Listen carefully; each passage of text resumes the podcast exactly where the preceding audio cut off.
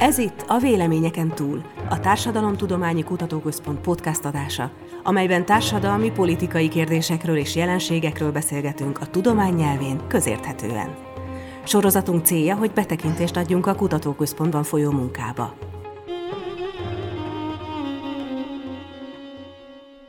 Üdvözlöm a hallgatókat! Én Csurgó Bernadett vagyok, a Szociológiai Intézet kutatója, és mai beszélgetőtársaim Kerényi Szabida és Vajda Róza, szintén a Szociológiai Intézet kutatói, akik a Szociobistro Folytköv eseménysorozat szervezői és házigazdái is, és ma ebben a minőségükben beszélgetünk. A Szociobistro esemény sorozat előzményeiről annyit el kell mondanunk, hogy közel tíz évvel ezelőtt, 2014 őszén indult el egy dokumentumfilmeket bemutató és elemző beszélgető sorozatként, és az volt a fő cél, hogy a tágabb közönség felé is nyisson egy kicsit a Szociológiai Intézet és dokumentumfilmek és később előadások, majd városi séták mentén megosszuk azt a tudást, ami itt az intézetben termelődik. Ez a rendezvény sorozat, ez tartott néhány évig, majd lassan elmaradt, és tavaly ti élesztettétek újra, mégpedig népszerű sorozatokkal a középpontban. Úgyhogy igazából az első kérdésem az lenne, hogy honnan jött az ötlet, hogy sorozatokat vegyetek elő, és ennek mentén beszélgessetek társadalmi kérdésekről. Én egy folyosói beszélgetésre emlékszem vissza, amint talán még te is ott voltál. Ott a, akkor éppen aktuális Besugó című sorozatot cincáltuk. Pontosabban arról beszéltünk, hogy milyen kritikák érik a sorozatot, főleg a hitelesség szempontjából, és hogy mit gondolunk erről, és valahogy akkor ebben a beszélgetésben fogant meg az a gondolat, hogy azért más szempontból is érdemes szemügyre venni azt a sorozatot, így aztán ez lett az első szociobisztrós eseménynek a témája. Igaz, hogy addigra már levették a műsorról, lekerült a, az HBO honlapjáról a többi hasonló kelet-európai történelmet feldolgozó sorozattal együtt, és ez szerintem azt is mutatja, hogy amire mi rágerjedtünk, mint érdekes lehetőség, tehát amik a sorozatokban rejlik, az, azt továbbra is ugye fenntartjuk és, és, és sorra vesszük, a, amit még elérhető népszerű sorozatokat, de hogy van ez a határa, hogy mi az, ami kikerül ebből, de hát ez már messze vezet ez a kérdés. Elkezdtünk a kollégákkal egymással beszélgetni arról, hogy éppen ki milyen sorozatot néz, és elkezdtük ajánlgatni egymásnak, hogy, hogy akkor ezt kéne megnézni, meg azt kéne megnézni, és, és, és akkor arra gondoltunk, hogy, hogy mi lenne, hogyha intézményesítenénk ezeket a beszélgetéseket, mert úgy éreztük, hogy erre van igény. És, és emögött valójában az van, hogy, hogy nagyon átalakult az, hogy milyenek a sorozatok, hogy milyen, milyen lett a sorozatgyártás ahhoz képest, amilyen volt mondjuk 30 évvel ezelőtt a, nem tudom, a Dallas. Volt egy ilyen, hogy a sorozat, meg sorozatot nézni, az ciki, mert az általában nem jó minőségű, ilyen gagyi, trash gyártások voltak, és aztán ez szép lassan elkezdett, megjelentek az ilyen minőségi, igényesebb sorozatok is, majd így az utóbbi években ez nagyon durván felpörgött, valószínűleg így a Covid-dal is összefüggésben, amikor nagyon-nagyon sokan elkezdtek otthon sorozatokat nézni, és akkor felfigyeltünk erre a jelenségre, mint társadalomkutatók, hogy a sorozatgyártók tudatosan foglalkoznak társadalmi kérdésekkel, és hogy elkezdik pontosan bemérni a célközönséget, az igényeket, amiket aztán egy oda-vissza alakítgatnak, és akkor a, erről kezdtünk el beszélgetni, mint, mint társadalomkutatók, hogy akkor végig is így mit, mit látunk ezekben a sorozatokban. Igen, tulajdonképpen, mint társadalomkritikai alkotásokat úgy kezeljük a sorozatokat, azzal, hogy úgy érezzük, hogy ez egy alkotói igény is, legalábbis az, hogy társadalmi tartalmakat közvetítsenek. A mi oldalunkról meg ez tulajdonképpen azt is jelenti, hogy a közbeszédet, közgondolkodást erősen alakító műfajról lévén szó, érdemes ezt így megnézni, még akkor is, hogyha adott esetben producerek patika mérlegen mérik ki ezt, de akkor ők elvégzik végzik helyettünk azt a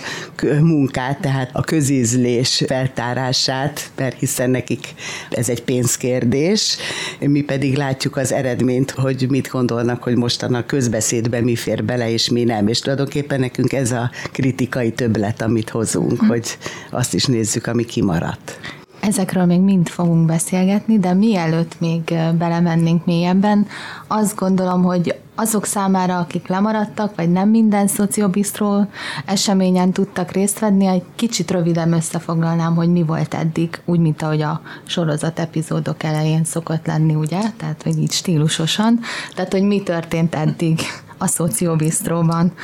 Tehát az első évadban hat eseményre került sor, és ez még a nyitott műhely bisztróban zajlott, majd az idei évadot kicsit különleges rendhagyó módon a kutatók éjszakáján a Szociológiai Intézetben indítottátok el. És akkor az összegzés. Az első alkalom Mi az örömöm a demokráciában, ha folyton Lukas lesz a cipőm címet viselte, és a Csernobil, a besúgó és az eszmélet sorozatok mentén beszélgettetek a szocializmus emlékezetéről. A második alkalommal Királynők a Budaárban címmel a Nagy Katalin, a Kezdetek, a Korona és a Trónok harca került terítékre, tehát három sorozat. A harmadik Szociobisztróban egy igazi klasszikus, a Jó Barátok köré szerveződött a beszélgetés barátságról, családról és ehhez hasonlókról kicsit ilyen karácsonyi hangulatban. A negyedik rész igazán komoly témát vett elő, ez az északi fény árnyékában címet viselte, politikai válságos és demokrácia víziókról volt szó, két skandináv sorozat, a Borgen és a megszállás kibeszélésével. És szintén egy erősen szociológusos téma került az ötödik alkalommal is terítékre. Ez a társadalmi hierarchia csúcsáról, az elitről szólt, két sorozat, a Fehér Lótusz és az Utódlás felhasználásával, miért legyen éltünk gyötrelem címmel.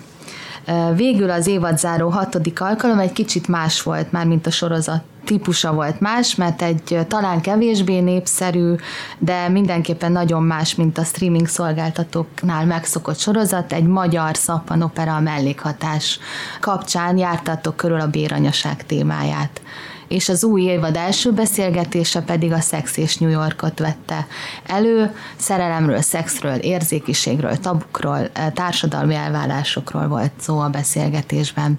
Ez így egy csomagban az előzmény, mint gyors talpaló egy kicsit, és ha még statisztikát is mondanék, mi ezek alapján akkor a hét alkalommal 13 sorozatot vettetek elő, ami azért nem kevés. De már elkezdtük a beszélgetést kicsit arról, hogy mit is tudhatunk meg tulajdonképpen a sorozatok alapján a társadalomról, vagy máshogy fogalmazva, mi az, ami megragadható a társadalomról, és mi az, amit nem enged meg a műfaj, mi az, ami biztos, hogy kimarad, mik a korlátai egy sorozatnak. Már volt itt szója producerek, platika mérlegen, méricskélése, tehát hogy mi az, ami eljut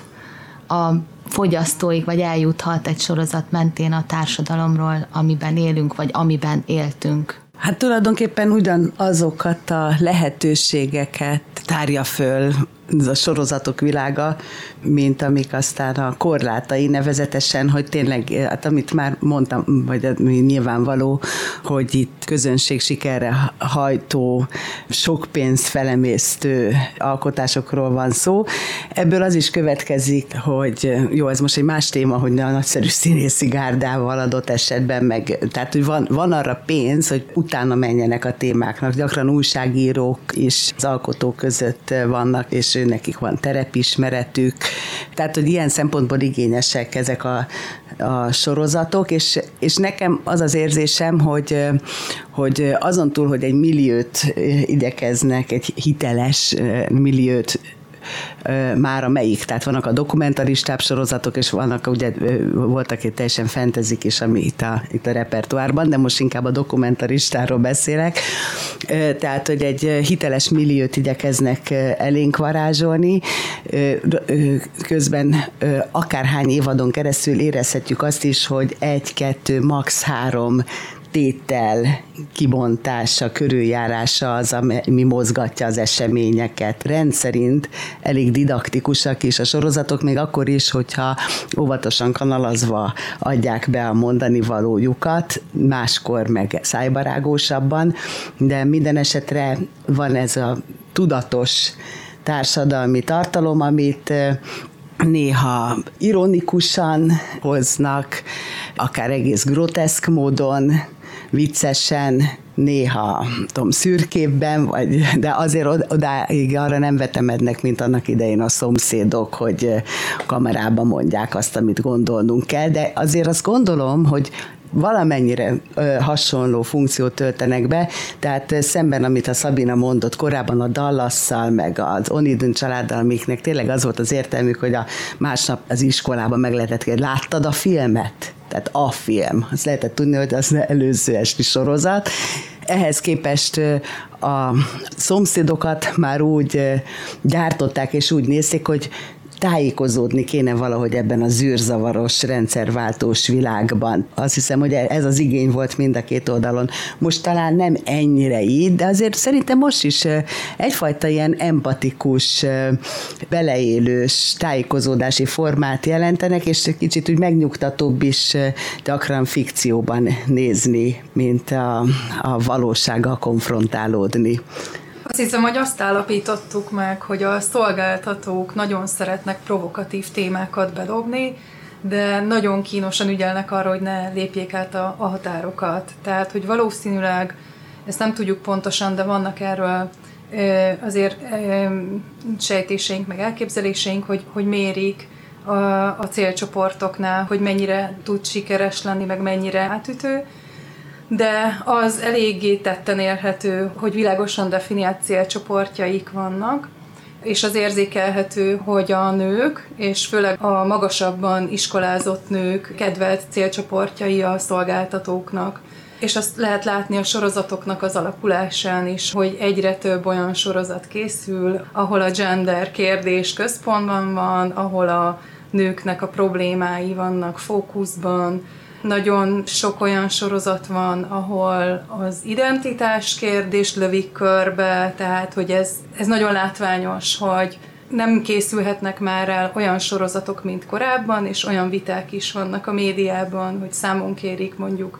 20 évvel ezelőtti sorozatokon, hogy nem elég reprezentatívak, vagy tehát, hogy olyan szempontokat, amelyek most nagyon erősen meghatározzák a sorozatgyártásoknak a, a szabályait. Erre néhány példát az eddigiekben kitárgyalt sorozatokból tudnál mondani, hogy így még érthetőbbé tegyük a hallgatók Igen, számára. azt hiszem, hogy talán pont ez a női vezetők a férfi világban munkacímet viselő, ez a királynős alkalom volt, ahol megnéztük azt, hogy akár ilyen fiktív történelmi sorozatokban is, mint például a Nagy Katalinos, ami így részben fikció volt,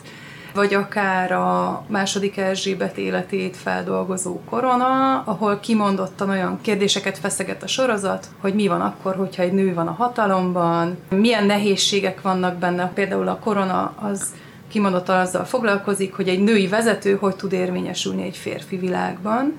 míg a trónok harca, amely szintén ebben a csokorban jelent meg,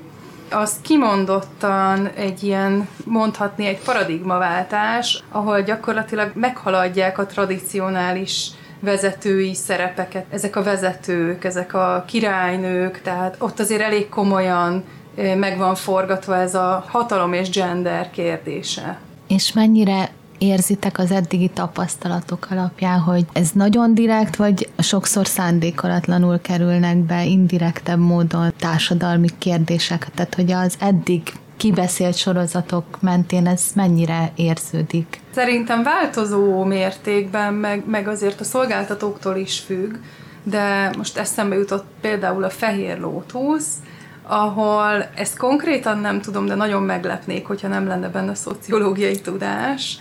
mert kimondottan olyan kérdésekről vitatkoznak, mint amilyenek mondjuk a, a társadalomtudományos világban felmerülnek. Osztály, hatalom, gender, ezek néha parodisztikusan jelennek meg ebben a sorozatban, tehát az, amikor ezek a gazdag lányok a medenceparton olvasgatnak, egyik nap nem tudom Marxot, másik nap Foucault, és akkor mondják, hogy a stylistjuk nem csak azt javasolja nekik, hogy hogyan öltözködjenek, hanem azt is, hogy mit divat olvasni a medence partján, akkor vannak ilyen jelenetek, ahol a család beszélget egymással arról, hogy milyen hatása volt a gyarmatosításnak, vagy hogy Hillary Clinton vajon hiteles női politikus-e. Tehát itt eléggé konkrétan vannak benne ezek a kérdések, helyenként tényleg, ahogy a Rozi is mondta, hogy, hogy már-már didaktikusan jelennek meg. Hát meg az is van, hogy mi azért értelmiségi sorozatokat válogattunk össze többnyire, benne vannak nagy közönség sikerek is, tehát amik szélesebb kört érdekelek, mint a trónok harca, ami kényszeresen mindenféle hatalom gyakorlással kapcsolatos modellt láttam bele Webertől, nem tudom meddig, de ez már az én heppem, tehát hogy ki mit lát bele, ugye erről is szó van. Igen, szerintem nagyon direktek ezek a mondani valók, ugye az a kérdés, hogy mi az, amit beleraknak, mi az, amire azt gondolják, hogy átsúszik, mi az, ami nem. Van nyilván itt is ez, ez hogy ez egy ilyen kompetitív szféra, tehát az érdekes szerintem, hogy, hogy azzal akarnak befutni, úgy tűnik, hogy feszegetnek olyan témákat is, amik újszerűek, amit esetleg még a többiek nem annyira, tehát hogy ez, ez ezáltal sikerre tartanak számot, és hát amit mondtam, hogy vannak, amik aztán, aztán kivesznek, eltűnnek erről a porondról, legalábbis erről a nemzetközi csatornák kínálatából, adott esetben a lokális, például a kelet-európai történelemmel foglalkozó sorozatok, ugye azokat egyszerre vették le a műsorról, hogyha talán elárulhatom, hogy, hogy legközelebb a faudával szeretnénk foglalkozni, aminél meg most sejthető, meg tapasztalatom szerint így is van, hogy ismerőseim nagy része azok is, akik annyira nem is sorozatfenek, elkezdték ezt nézni. Az, ami az arab világban az elmúlt években is toplistás volt, az, az most úgy tűnik, hogy általában óriási érdeklődésre tart számot. Még azt akartam hozzáfűzni, hogy azért ez tök jól látszik, hogy megnéztünk korábbi sorozatokat is, mint például a Jó Barátok, vagy a, a legutóbbi Sex és New York, amelyek több mint 20 éve készültek, hogy ott sokkal inkább a sorozatok próbálták kielégíteni a közönség igényeket,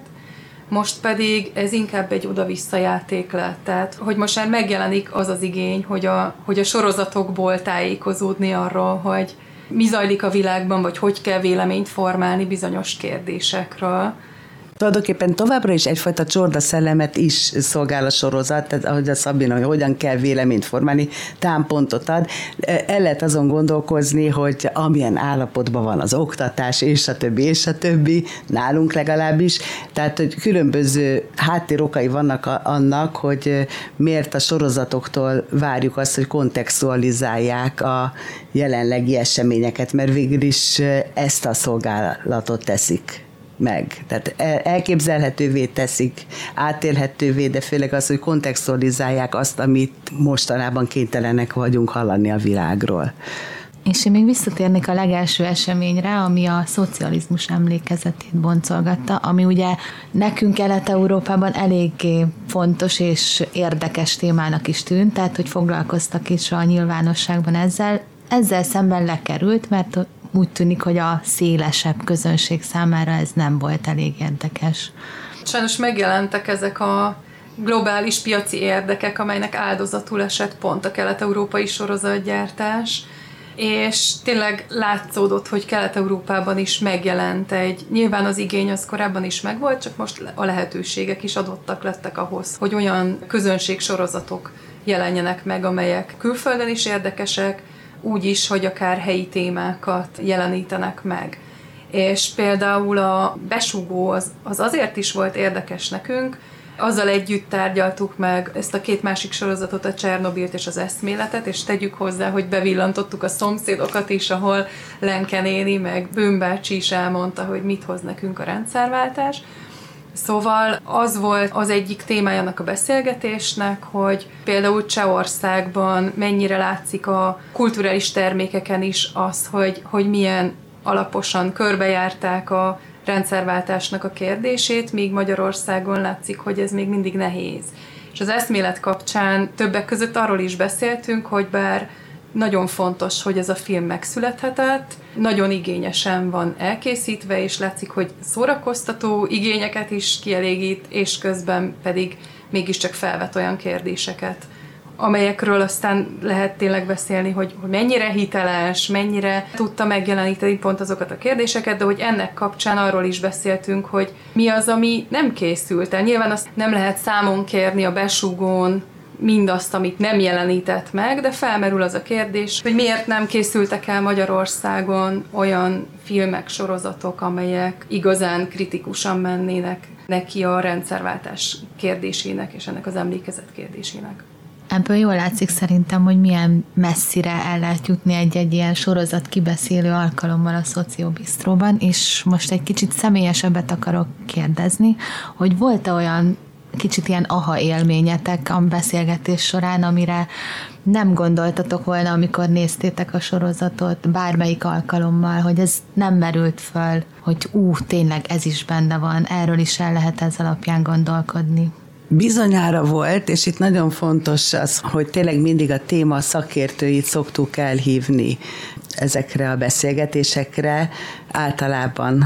kettőt, de legalább egyet, tehát ne, nem csak egymással beszélgetünk a Szabinával, noha azt is nagyon szívesen, és ezt mindig meg is tesszük az előkészületek alatt. Tehát addigra nekünk már kialakul valamilyen, akár közösnek mondható álláspontunk mindenféle egyéni eltéréssel együtt, és akkor ehhez képest a közönség is, mert ezt, ezeket a beszélgetéseket nagyon hamar kinyitjuk a közönség felé, és a meghívott fél is szokott mondani. Most nem fogok tudni héten példát példát mondani, úgyhogy segítsék ki ebben Szabina, hogyha, hogyha tudsz ilyen revelatív élményt, ami kicsit eh, ugye ellenmondásos is, mert ha annyira revelatív, miért nem emlékszem rá hirtelen, de majd akkor eszembe jut, hogyha mondod. Nekem inkább ez az élmény van meg, hogy mi a Rozival tényleg nagyon alaposan kiszoktuk tárgyalni, hogy mit gondolunk egy-egy sorozatra, és aztán ott a helyszínen szembesülünk azzal, hogy mennyiféleképpen lehet látni ugyanazt vagy pedig tényleg olyan, amikről azt gondoltuk, igazából nem, nem árulok el meglepetést azzal, hogy nem szeretjük az összes sorozatot, amiről tárgyaltunk, tehát hogy van, amit kimondottan szeretünk, de van, amit a témája miatt hoztunk be, vagy valami miatt érdekesnek gondoltunk, de azt gondoljuk, hogy mint, mint produkció nem annyira igényes, vagy nem annyira érdekes, de mégis kiderült, hogy a közönségből, vagy akár a vendégek közül mégiscsak valami miatt fontosnak vagy jónak látják, hogy tényleg sokféleképpen lehet ezeket a sorozatokat nézni, és tényleg fontos is, hiába, hogy lehet, hogy, hogy ezek nem annyira magas kulturális színvonalat képviselnek, de hogy mégis ezek olyan témákat hoznak be, vagy úgy mutatják be őket, hogy fontos róluk beszélni. Aztán tudnék olyan esetre hivatkozni, amikor egy a közönségből kollégánk annyira felelkesedett a beszélgetésen, hogy alig várt, hogy hazaérjen, és rögtön elkezdte nézni azt a sorozatot, amiről ott szó volt. Mert ugye ez is hozzátartozik ezekhez a klubestekhez, hogy az is simán élvezheti, aki nem látta az adott sorozatot, igyekszünk úgy kanyarítani ezeket a beszélgetéseket. Na de bár ez nem a reklámot szeretnénk szolgálni, mégis csak néha ezzel a következménnyel jár, hogy annyira tartalmasnak vélik ezeket a sorozatokat, hogy aztán nyomban végig is nézik őket. Te mondtad, Rozi, hogy így beleláttál például a trónok harcába mindenféle szociológiai elméleteket. Ezt mindenképpen meg akartam kérdezni, hogy ezeknél a nagyon népszerű régi sorozatoknál, ha újra elővesszük, mint a Sex és New York, meg a Jó Barátok, akkor mit tudunk ma ezekkel kezdeni, illetve valóan egy kicsit, ha visszatekintünk, akkor mit jelentett a saját korában egy-egy ilyen sorozat? Ugye ezekről is szóltak ezek a beszélgetések, de hogy szerintem ez nagyon fontos, hogy olyanok is előkerülnek, amik nem direktben foglalkoznak társadalmi kérdésekkel, mint mondjuk a Csernovil, vagy a besúgó, vagy ezek, hanem puszta szórakoztatás a cél, de mégis van benne valami, és ráadásul jó régiek, amiket már agyon néztünk. Hát ennek főleg a Szabina lesz a megmondhatója, mert én szinte szűz vagyok a sorozat nézés terén, és tényleg a, akkor kezdtem el nagyobb volumenben nézni, az előtt csak kettőt, hármat maximum, amikor a Szabinával összeálltunk a Szociobistró kedvéért, és így aztán rögtön legitimáltam is magamnak ezt a bűnös élvezetet, amiben korábban nem mertem belecsúszni. Nekem nagyon érdekes volt leporolni régebbi sorozatokat, mint például a Sex és New Yorkot, ez volt legutóbb, amit én emlékszem, hogy annak idején 20 évesen néztem, és nagy rajongója voltam, és nagyon érdekes ezeket visszanézni ennyi év távlatából, és úgy ránézni, hogy közben mennyire megváltoztak a társadalmi jelentések. Tehát, hogy nagyon érdekes ránézni egy 20 év távlatából akár a Sex és New Yorkra, amely azt vizsgálja meg, hogy hogyan randíznak a szingli nők 30-as éveikben New Yorkban, ami végül is tényleg puszta szórakoztatás a célja, de mégiscsak elkezdődött egy olyan diskurzus ennek kapcsán, hogy elkezdték kritikusok megvizsgálni azt, hogy ez igazából feministának tekinthető-e ez a sorozat. Ez egy olyan sorozat, amely kimondottan nőkről szól, női problémákat vizsgál, és adott lenne az, hogy ezt feministának tekintsük. Ez a sorozat saját magát nem tekinti feministának, ennek ellenére nagyon sok olyan elemzés készült, hogy hogy áll ez a sorozat a feminizmussal, mert hogy folyamatosan dobálja fel a magas labdákat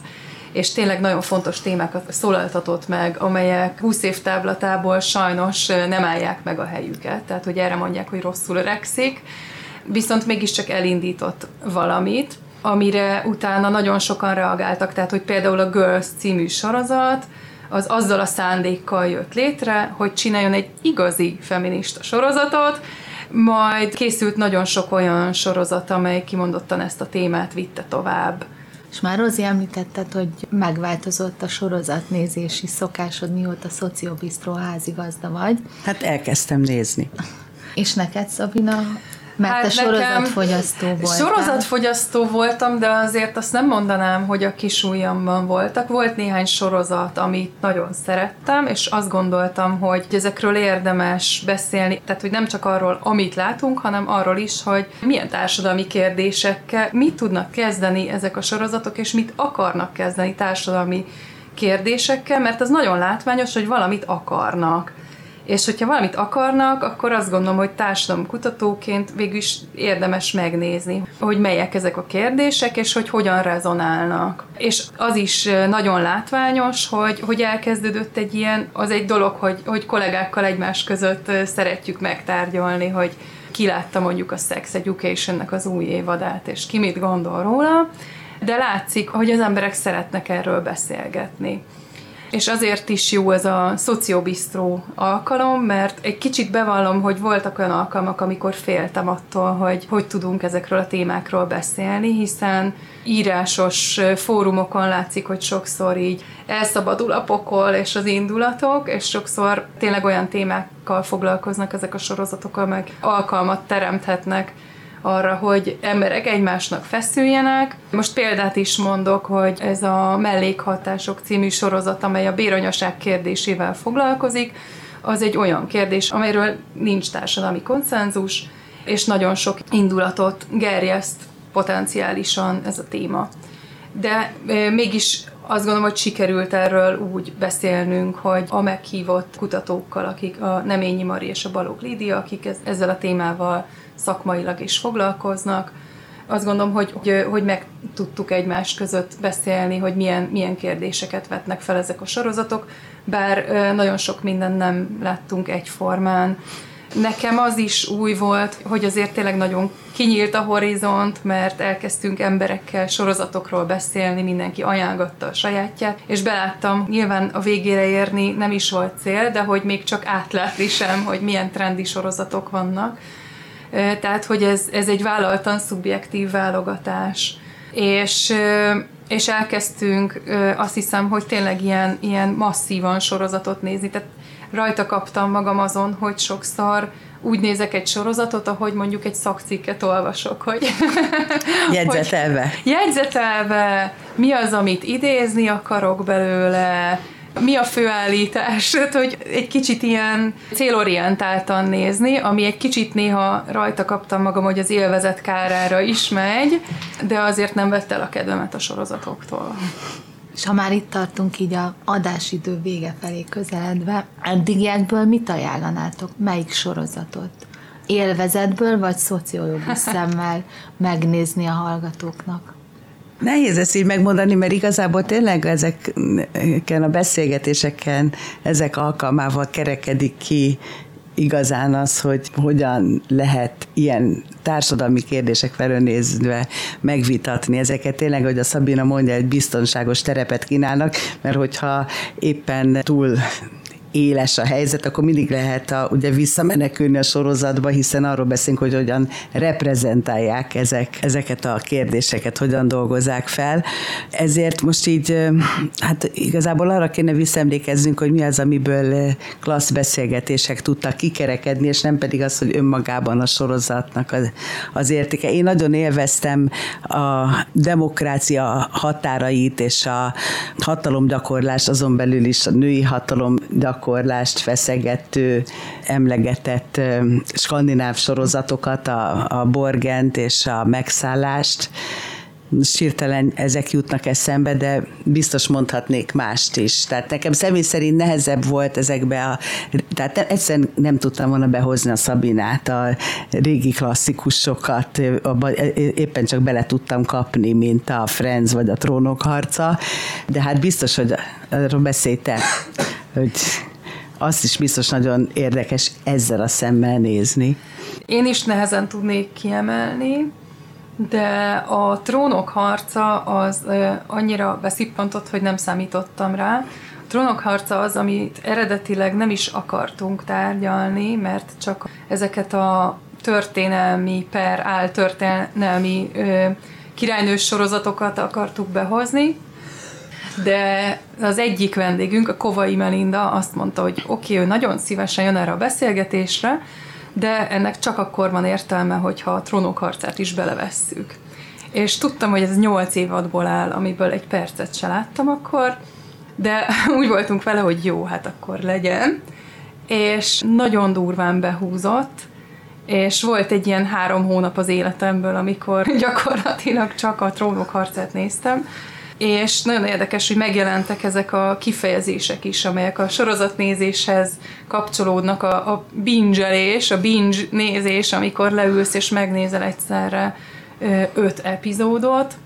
Szóval a trónok harcával ez történt nálam. Ha ez nagyon ijesztően hangzik, mert tényleg van benne valami ijesztő, amikor egy sok évadnyi sorozat behúzza az embert, és hát ez bizony az alvás rovására megy, meg amúgy is, noha ez egy intellektuális gyakorlat nálunk, de mégis eléggé agysejtpusztító is egyszer, mint. Úgyhogy én tudnám még ajánlani a Fehér Lótusz, meg a hasonló minisorozatokat. Tehát a Fehér Lótusz, ami egy társadalmi szatíra, könnyen fogyasztható, nagyon szórakoztató,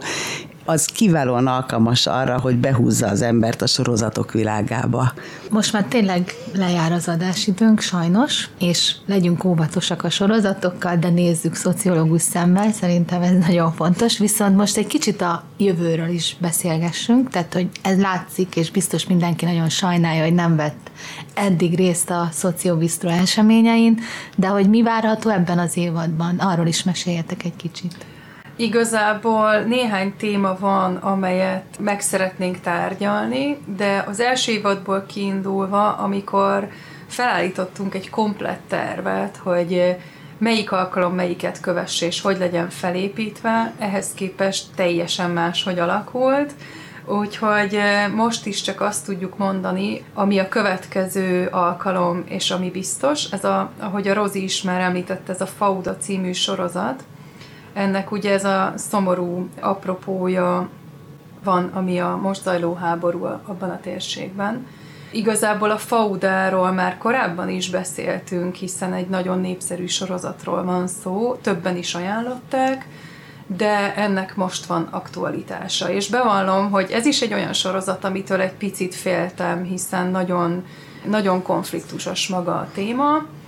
Viszont úgy döntöttünk, vagy azt gondoljuk, hogy ez egy olyan téma, amiről valószínűleg nagyon sokan szeretnének most beszélgetni, és hogy szeretnénk egy olyan teret megteremteni, ahol lehet erről késdobálás nélkül civilizáltan és tényleg tudományos igényességgel, de nem feltétlenül elszakmázva beszélgetni. Van néhány más téma is, amelyeket kinéztünk magunknak. Rozi, ezeket lehet, hogy te jobban összegyűjtötted. Már a Fauda is ugye felveti a mikrovilágoknak a, a kérdését, és ez volna egy ilyen átfogó téma, amivel szeretnénk foglalkozni a jövőben, és van néhány sorozat, amire gondoltunk ebben a körben. Például az Unortodox, az a filmsorozat, az az egyik ilyen, a másik ez az olasz brilliáns barátnőm. Szeretnénk többet foglalkozni osztálykérdésekkel is, ez utóbbi így is került a palettára. A másik nagy téma, ezek az ifjúsági edukatív sorozatok, ott tényleg egy, egyrészt edukatívak, másrészt, hogy a szülők számára, tehát ami ez a sex education, amit Szabina említett, alig várom már, hogy végezek a faudával, és belekezdhessek. A saját gyerekeim miatt, akik amúgy rendkívül közlékenyek, de mégsem akarnám őket bármiről meghallgatni, tehát mit csinálok? Megnézem a Sex education hogy mégis mi zajlik a fiatalok világában hogyha nem tévedek, akkor abból meríthetek. Lehet, hogy, lehet, lehet hogy tévedek is ebben. Sokszor van az, hogy, hogy kitaláljuk a témát, és aztán végül más sorozatokat választunk be az adott témához, de az biztos, hogy, hogy valamikor szeretnénk ezekről a tinédzser drámákról beszélni, mert ez is egy olyan műfaj, ami nagyon népszerű, és nagyon jó közönségsorozatok készültek. Ide lehet sorolni még az Eufóriát is, amely mindenféle díjakat nyert el, és még magyar érintettsége is van vagy az Elite című sorozatot, tehát több, több olyan sorozat van, amely pont ezt a tinédzser világot bontogatja, ami szerintem nekünk, akik már inkább a szülők generációja vagyunk, szerintem nagyon fontos, hogy ezzel foglalkozzunk, illetve szerintem most mondjuk el azt is, hogy egy kicsit szeretnénk jobban megcélozni az egyetemista korosztályt, tehát jobban szeretnénk nyitni korban is. Szeretnénk, hogy több fiatal jöjjön el a Szociobisztró folyt kövre, nagyon köszönöm, szerintem itt véget ért az adásidőnk jócskán, és már alig várom, hogy részt vessek az eseményeken, és gondolom mások is így vannak ezzel, mert nagyon-nagyon sok izgalmas sorozat és téma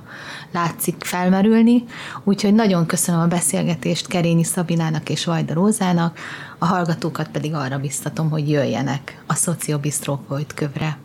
Köszönjük! Köszönjük a meghívást! A Véleményeken túl a Társadalomtudományi Kutatóközpont podcast adását hallották. Korábbi adásainkat is meghallgathatják Spotify-on kívül többek közt az Apple és a Google Podcaston. Kutatásainkról tájékozódhat honlapunkon a tk.hu. Eseményeinket, híreinket pedig követheti a közösségi média csatornákon.